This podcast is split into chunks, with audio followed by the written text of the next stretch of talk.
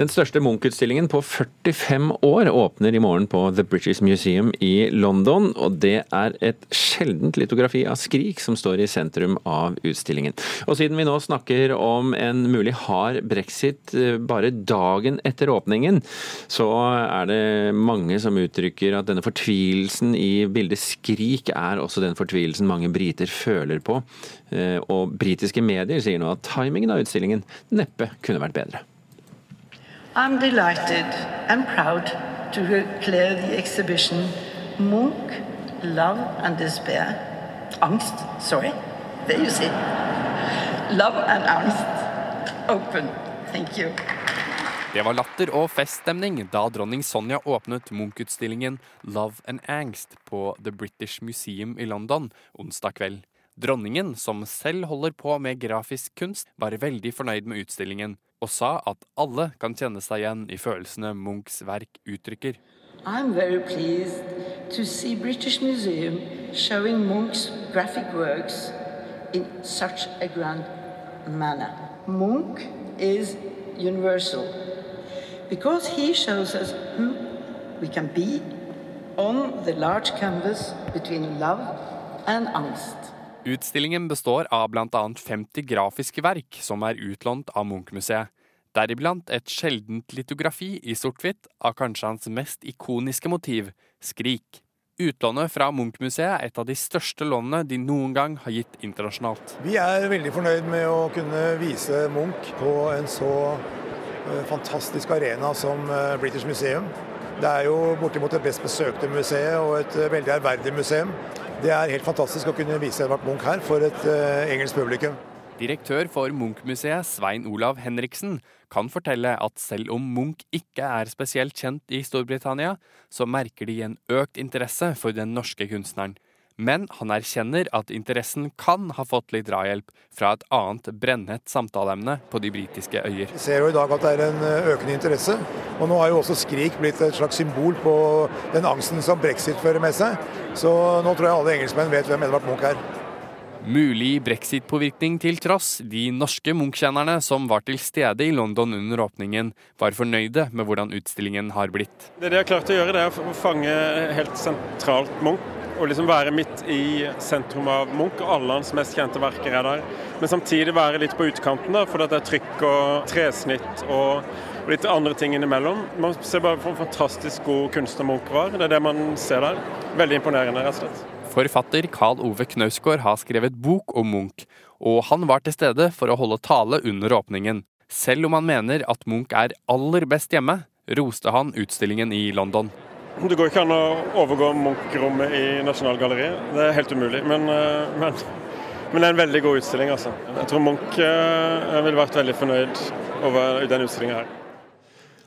Reportere her var Øystein Tronsli Drabløs og Petter Pettersen. Så kan vi jo ta med deg at denne utstillingen åpner for publikum i morgen, altså. Er åpen frem til 21. Eh. Så om du skal til London, så er det jo muligheter for å få den med seg. Men om du ikke skal til London, så skal du bare holde deg ved radioapparatet eller TV-en din nå i eh, noen minutter til, for vi har med oss kulturkommentator i NRK, Agnes Moxnes. Og Agnes, du har jo sett denne utstillingen. Nå har det kommet anmeldelser. Hva sier de? Ja, De kom i går, de. Eh, allerede før utstillingen åpnet. Dronningen åpnet utstillingen i, i går. Og, og iallfall de største, seks største avisene i, i Storbritannia eh, anmeldte den. Eh, stor begeistring. Eh, vi hørte jo her at Eh, Munch ikke er liksom fullt så kjent i, i England som han f.eks. er i, i, Tyskland og Frankrike. Eh, så Derfor så sier da Evening Standard de minner om at Edvard Munch er mer enn klisjeen Skrik. Og, og, The Guardian eh, skriver om en veldig vakker utstilling, men en vakker utstilling om traumer som hjemsøker oss alle. Nemlig de traumene som oppstår i forlengelsen av kjærlighet og og angst. Og The Guardian sier at de føler seg truffet av en emosjonell bombe. Så, så det er lange og grundige anmeldelser som, som gjør at denne utstillingen får veldig veldig mye oppmerksomhet, rett og slett. Ja, Nå er det jo opportunt for oss nordmenn å tenke at dette her er et godt bilde på, på brexit, men er det noen som trekker de trådene i Storbritannia også? Ja, ja, det er jo det de gjør. Og alle snakker om hvor liksom perfekt timing det er på denne utstillingen her. At den kommer samtidig med altså bare nå to dager før du kan få en såkalt hard brexit. Da. Men det er en utstilling som er planlagt i, i, i fem år. Og, og, og, men denne brexit-koblingen det har jo ført til at, at da anmeldelsen i The Guardian f.eks. sto eh, på trykk i papiravisen i går, så fikk den en stor plass på førstesiden i avisen. og det er jo faktisk veldig, veldig sjelden. Og det tror jeg nettopp kommer av at det er i en, en så ja, skal vi si, traumatisk situasjon for Storbritannia. Eh, og eh, i, i, mars, da denne debatten om brexit virkelig liksom var i ferd med å ta totalt av, så hadde The Evening Standard en karikatur av eh, Theresa May som denne figur, hvite figuren i, i Skrik. Og da så man i bakgrunnen Big Ben som holdt på å ramle sammen. Det var et handelsskip som lå på, på Themsen som var i ferd med å, å, forlise. Og den karikaturen der den ble altså da øyeblikkelig kjøpt inn av The British Museum og for å bli lagt inn i deres eh, faste samling. Så det er ikke til å forundres over eh, at noen kan ha store forventninger til denne utstillingen, eh, Agnes? Nei, det er kjempestore forventninger til det. Altså at det, at det kommer At dette her også virker tilbake på utstillingen. Sånn at de forventer et stort antall besøkende, rett og slett. Og stor oppmerksomhet om Edvard Munch, da. Men du, mens jeg har det her. Det er altså eh, påstander fra USA om eh, en skole der som har funnet et, eh, det som omtales som et uferdig oljemaleri av Edvard Munch. Portrettet skal være av Eva Moducci. Så vidt jeg husker så er vel, så er vel hun malt av Munch flere ganger, og de var vel litt sånn småkjærester også, syns jeg å huske. Hvis dette stemmer at det finnes et uferdig maleri av Munch i USA, hvor, hvor, hvor oppsiktsvekkende er det?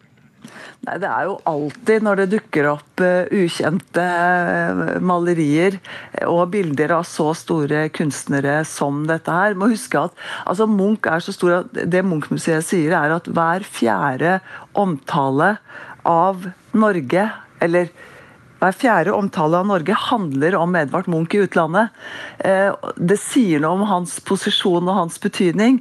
Og, og, dermed så er jo også oppmerksomheten rundt et mulig nytt verk Det er jo både spennende, eh, interessant og, og, kommer til å bli, bli, fulgt nøye. Og så er det jo en del av de eh, funnene som viser seg å ikke liksom, holde helt til mål.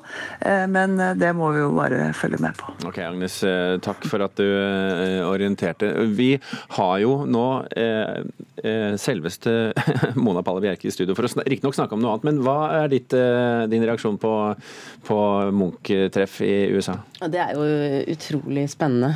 Og Eva Mudochi, utrolig en kvinne som går igjen, som du var inne på. Så mm. det, det gleder jeg meg til å høre mer om. Veldig ja, ja, spent. Vi, vi, får trekke den tråden etter hvert. Nå skal det handle om noe annet. Husker du alt eh, bråket om eh, Kongolandsbyen i Vigelandsparken for eh, fem år siden? Jeg husker det. I 2014 så skapte kunstnerne Lars Kotsner og Mohammed Ali Fadlabi stor furore i Oslo da de ville gjenskape den såkalte Kongolandsbyen som var med i verdensutstillingen i Kristiania i 1914, der 80 mennesker fra Senegal var stilt ut til alminnelig beskuelse. Men én ting er Kongolandsby i 1914, en helt annen ting det er Kongolandsby landsby i 2014.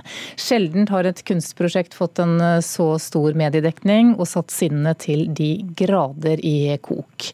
Nå presenterer Munch-museet i bevegelse en av disse to, nemlig Mohammed Ali Fadlabi i Kunsthall Oslo. Utstillingen heter The Air at Night, og Mona Palle Bjerke, vi trenger en liten repetisjon av hvem er denne kunstneren? Han er en norsk eh, kunstner bosatt i Oslo og med sudansk eh, opprinnelse. Og arbeider hovedsakelig med maleri, og har stilt ut da både i inn- og utland. Dette er også Munch-museet i bevegelse. Hva er forbindelsen til Munch her? Ja, Munch-museet i bevegelse er jo dette prosjektet som akkurat fikk Kunstkritikerprisen. Et forbilledlig prosjekt som eh, har sikret en høy aktivitet i museet da, frem mot flytting. Så de i motsetning til Nasjonalmuseet ikke har trengt å gå i dvale. Og ø, Da har man vist både modernistiske kunstnere og samtidskunstnere som har enten en tematisk eller formmessig forbindelse med Munch. Og i Fadlabis tilfelle så er jo dette det følelsesladede og fokuset på selvbiografi. Ja, hvordan maler Fadlabi sitt liv? Ja, eh, I utstillingen så ser vi en håndfull fargesterke malerier. Jeg vil nesten kalle det fargeeksplosjoner. Det er skinnende oransje mot dyp blå. Det er gul. Det er irrgrønt mot brannbilrødt. Så det er en veldig sånn kraftfull opplevelse å gå inn i eh, galleriet. Eh, I pressemeldingen så står det at han henter inspirasjon fra alt fra etiopiske kirkeikoner til veggmalerier i afrikanske barbersjapper og til da vestlig pop kunst. Og Det er en utrolig friskhet i dette uttrykket, og da med denne selvbiografiske nerven. Og Så får man også en liten selvbiografi i tekstform eh, gjennom katalogen. Ja, vi kan jo høre litt på det. Ja, for han, gjort, altså, han er også poet, og han har gjort liksom det gebrokkene til sitt poetiske varemerke. Så det kan vi høre på. Jeg vet om et sted hvor alle snakker gebrokken. Og i deres blod, sammen med de små fiskene, svømmer også mange små elektriske fugler. Ja, Mona Palle Bjerke, Hvordan er denne biografien koblet opp mot maleriene? Ja, Vi får da små lyriske innblikk i hans liv, eh, og så ser vi på en måte reflekser av disse fortellingene i bildene hans. Han er tematisk veldig opptatt av dette med opprinnelse, med hudfarge, tilhørighet og identitet. Og han dveler om blikket som et sånn mellommenneskelig grunnelement. Ja, På hvilken måte da? Ja, eh, Vi ser da, Han har jo malt mange ansikter. Og da er ofte øynene f.eks. skjult bak mørke solbriller, eller de ligger i skygge. Eller øynene er det eneste synlige. Som i et bilde der han har malt nesten sånn abstrahert en finlandshette. Og i øyneåpningene så ser vi da et helt sånt nesten fotorealistisk skildret blikk. Et veldig levende blikk. Eh, midt i dette liksom halvabstrakte universet. Og det er også da dekket av et sånt lite slør, som et slør innenfor sløret. Eh, kanskje som et bilde på alle disse lagene av uro uegentlige identitetsmarkører som vi hyller oss inn i da, for å skjule vår egen sårbare kjerne. Du ser begeistra ut. Eh, er det det som er konklusjonen din, at dette er et, et, godt prosjekt? Ja, dette er et så vitalt, så kraftfullt eh, prosjekt. Det er noe av det mer vitale jeg har sett på lenge innenfor maleri. Og det er altså en sånn fargemessig kraftopplevelse. I tillegg til at det er så fullt av fortellinger. Så dette er noe jeg unner alle å få med seg. Ja, utstillingen den henger altså til 2. juni. Takk skal du ha, Mona Palle Bjerke, kunstkritiker her i NRK.